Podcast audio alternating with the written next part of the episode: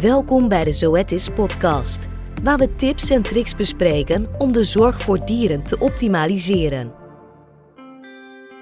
Wat is het leuk dat je afstemt op Swine Talks. Met Swine Talks willen we wetenschap en ervaringen uit de praktijk met u delen. Mijn naam is Hedwig van Aken. Ik ben marketingmanager bij Zoetis en stel jullie in het kort mijn collega's voor die de inhoud van de podcast zullen verzorgen. Anne van der Zijpen is varkensdierenarts voor Zoetis België. Twan van Berlo is onze Nederlandse varkensdierenarts. En Tom Meins is business unit manager en ondersteunende dierenarts voor beide landen. Welkom bij deze Swine Talks. Ik ben Tom Meens en samen met Anne van der Zijpen zal ik jullie vandaag iets meer vertellen over diagnostiek van mycoplasma en het gebruik van Miss Piggy in de praktijk. De eerste en eenvoudigste methode zijn eigenlijk de klinische symptomen, de droge hoest. Uiteraard, iedereen weet dat dit geen uh, symptomen zijn voor mycoplasma. Ook andere, ook andere ziekten kunnen uh, tot droge hoest leiden. Een tweede in de praktijk vaak geziene problematiek zijn cranioventrale longconsolidatie. Dit zijn de typische mycoplasma-achtige letsels op de topkwabben dit wordt vaak gezien bij autopsie op het bedrijf. Maar ook hier weten we allemaal dat dit niet uh, ja, pathognomonisch is voor mycoplasma. Ook andere zaken kunnen dit type letsels veroorzaken. Anne komt daar ook straks op terug bij het slachtlijnonderzoek. Een derde typische letsel of typische kenmerk voor mycoplasma is de eh, histiocytaire cuffing, de opstapeling van cellen rondom de bronchen, die eigenlijk bijna typisch voor mycoplasma is, maar toch enkel met combinatie van klinische symptomen en macroscopische letsels tot een duidelijke diagnose kan leiden. Om zeker te zijn van een diagnose van mycoplasma of om de kiem aan te tonen, hebben we twee mogelijkheden. Enerzijds kunnen we de kiem zelf aantonen met behulp van PCR in de meeste gevallen, ofwel kunnen we antistoffen aantonen tegenover mycoplasma. Als we kijken naar het aantonen van de kiem, dan zijn er verschillende monsters die we kunnen gebruiken om de kiem aan te tonen. We hebben na neusswaps, laryngeale swaps, tracheale swaps.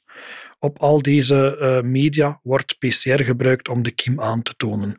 Isolatie wordt heel zelden of nooit uitgevoerd omdat deze veel te arbeidsintensief en te moeilijk is. We hebben ook oral fluids waar we voor mycoplasma uh, de kiem kunnen aantonen. Echter, de betrouwbaarheid en de sensitiviteit voor deze techniek is eerder laag en eigenlijk ook niet aan te raden.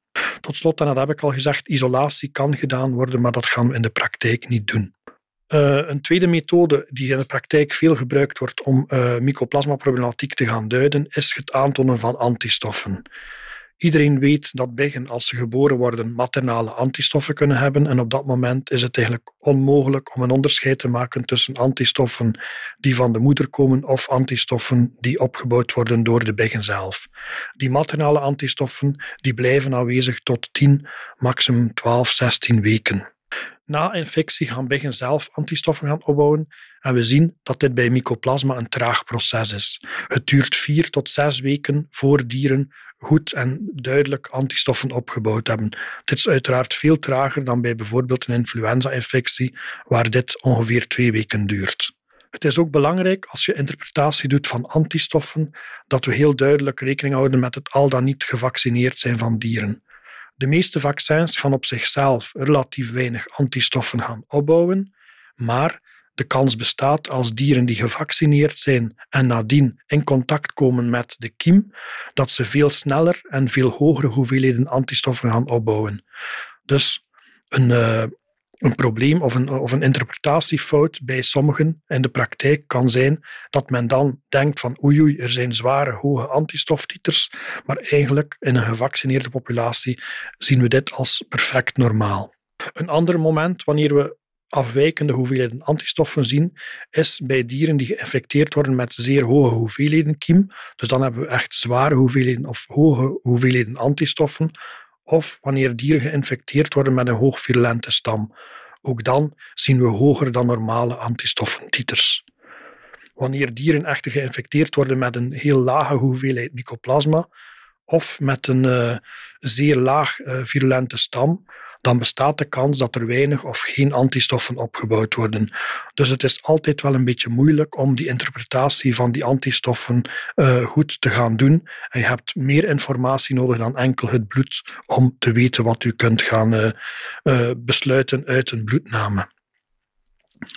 Als we dan op het bedrijf kijken en we willen echt een uh, inschatting hebben van het belang van mycoplasma in het volledige respiratoire complex, dan is het belangrijk om slachtlijnonderzoek te gaan doen. En daaruit kunnen we heel wat uh, extra informatie gaan, uh, gaan, gaan, gaan vinden. Anne, ik wil jou uitnodigen om hier wat meer informatie over te geven. Dank u, Tom. Dus om de rol van mycoplasma in het gegeven van hoest op een bedrijf in kaart te brengen, um, hebben wij inderdaad een app ontwikkeld. Hoest is een heel complex gegeven, maar de interpretatie van longlesies blijft ook een heel complex gegeven. Hoest wordt meestal veroorzaakt door meerdere factoren, infectieus, niet-infectieus. Um, dus het blijft zeker een uitdaging. En ik ga er zeker als kanttekening bij zeggen, Niemand kan pathogenen vaststellen, zelfs niet op longlesies. Um, niemand kan met, met het blote oog een kiem gaan, gaan zien. Dus onderzoek van longletsels is zeer nuttig, is, geeft een sterke richting, maar we moeten echt wel dieper gaan onderzoeken. Om de rol van uh, mycoplasma-infecties in te schatten uh, bij respiratoire problemen op bedrijf, um, moeten we zeker eerst nog eens herhalen, zoals Tom ook gezegd heeft, dat de plaats van delict van mycoplasma eigenlijk de diepere luchtwegtakken en het longweefsel zijn. Je kan dus inderdaad op um, individueel niveau een, een diagnose gaan proberen stellen, maar wat zegt het? Geen enkel vaccin gaat een eradicatie betekenen van de kiem. Dus wat zegt het dan als je een dier hebt dat indicatief is op zijn longletsels of zelfs de stap, uh, we hebben de kiem aangetoond, wat zegt dat? Eigenlijk is mycoplasma, zoals je zei, Tom, een trage verspreider. Daarom is slachtlijn des te meer um, een, een, ideale plaats om verder onderzoek te doen. Tegen dat ze die leeftijd bereiken, zal mycoplasma bij een aandeel van de varkens wel de nodige lesies um, veroorzaakt hebben en kan je eigenlijk echt een vaststelling gaan doen. Nogmaals, de letsels zijn louter indicatief en niet, uh, stellen geen diagnose. Aangezien die longscore um, een sleutelrol speelt hè, in, in het kader van een grote groep te zien. Um, maar ook omdat het een overzicht geeft over niet alleen de longen, maar ook andere organen. Ook andere letsels op die longen, behalve alleen de, de letsels die Tom daar juist vernoemde aan de longtopkwabben, is dit een heel, heel nuttig instrument, die slachtlijnbevinding. We kunnen daar een stapje verder in gaan aan de slachtlijn. We kunnen daar ook een gerichte staalname gaan uitvoeren. En ook deze is zeker even belangrijk als voorgaande factoren die we benoemd hebben. Omdat de score van longen aan de slachtlijn zo leerrijk is, hebben wij jaar geleden een app ontwikkeld, uh, Miss om eigenlijk op een hele mooie, overzichtelijke manier vele data te verzamelen en ook op een heel erg visuele manier het probleem voor uw veehouder voor te stellen. Dus een eindrapport dat volgt uit de datacapturing in Miss aan de slachtlijn en het volgende rapport hierop tonen we alle foto's van alle gescoorde longen. Dus dan krijgen ze overzicht van alle longen, ook van alle organen die gescoord zijn, en worden letsels, scores in grafieken en diagrammen weergegeven. Dat maakt het heel visueel, dus ook heel vatbaar en zet snel aan tot actie. Hoe gaan we te werk in de longscore met Miss Piggy? In de ene hand wordt een, een iPhone-toestel vastgehouden waarop dat de Miss Piggy-app beschikbaar is. Alles wordt gepersonaliseerd en met de linkerhand wordt elke long um, vastgehouden, uh, betast en mogelijk ook ingesneden en mogelijk ook stalen genomen. Waar houden wij rekening mee bij zo, tijdens zo'n longscore aan de slachtlijn? We gaan één kijken naar waar zit het letsel, de lokalisatie. Is het bovenaan, is het onderaan? Dergelijke gegevens zijn al zeer indicatief voor een bepaalde weg die je moet um, gaan opzoeken in je diagnostiek. We gaan ook kijken welk soort letsel is het. Is het iets dat actief is? Of is het eerder een overblijfsel van een letsel in een vroeger tijdstip uh, van de levensfase van het varken? Dat vertelt heel veel over de timing van infectie. We bekijken of er abscessen zijn. Zijn deze jong? Zijn deze oud? We bekijken of dat er vergroeien zijn. Zijn deze beperkt of uitgebreid? Zit daar nog actieve ontsteking onder? Of is het gewoon een, een restant van een vroegere infectie? Al deze zaken, al deze info geven eigenlijk een indicatie waar we verder naar moeten gaan zoeken. We kunnen bijvoorbeeld ook, al indien een, eh, een, varkens, een groep varkens, vleesvarkens, geïnfecteerd is met een virus vlak voor slachten, dan kunnen we ook een typisch uh, viraal longbeeld zien aan de slachtlijn. Waar zit nu de hele clue in? Dat we daar ook tijdens die score stalen gaan nemen. En pas als deze stalen representatief zijn voor de hele groep, dan gaan we deze stalen ook vers naar het laboratorium brengen voor dan ook een gericht onderzoek verder te zetten. Wat is het grote voordeel hiervan? Dat je één, gerichte stalen hebt, dat je twee, heel verse stalen hebt. En dieren die in slag, aan de slachtlijn hangen, die hebben geen behandeling meer gehad in de laatste weken voor slachten. Dus um, is het zeker een meerwaarde om deze stalen te onderzoeken. Dat is eigenlijk de kracht van Miss naar, naar de zoektocht naar een echte correcte diagnose.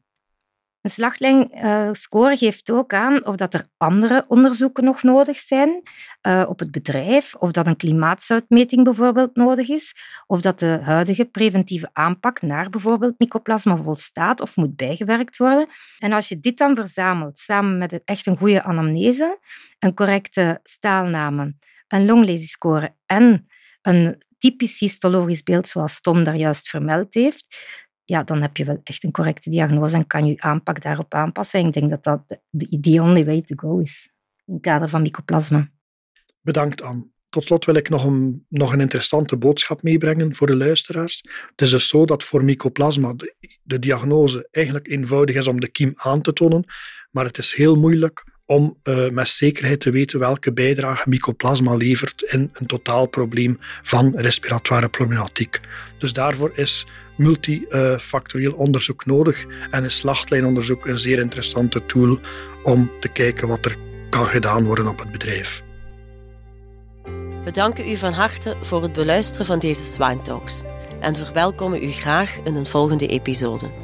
Deze vind je terug op www.sowettis.be of nl slash diersoort slash podcasts of op uw vertrouwde podcastkanaal.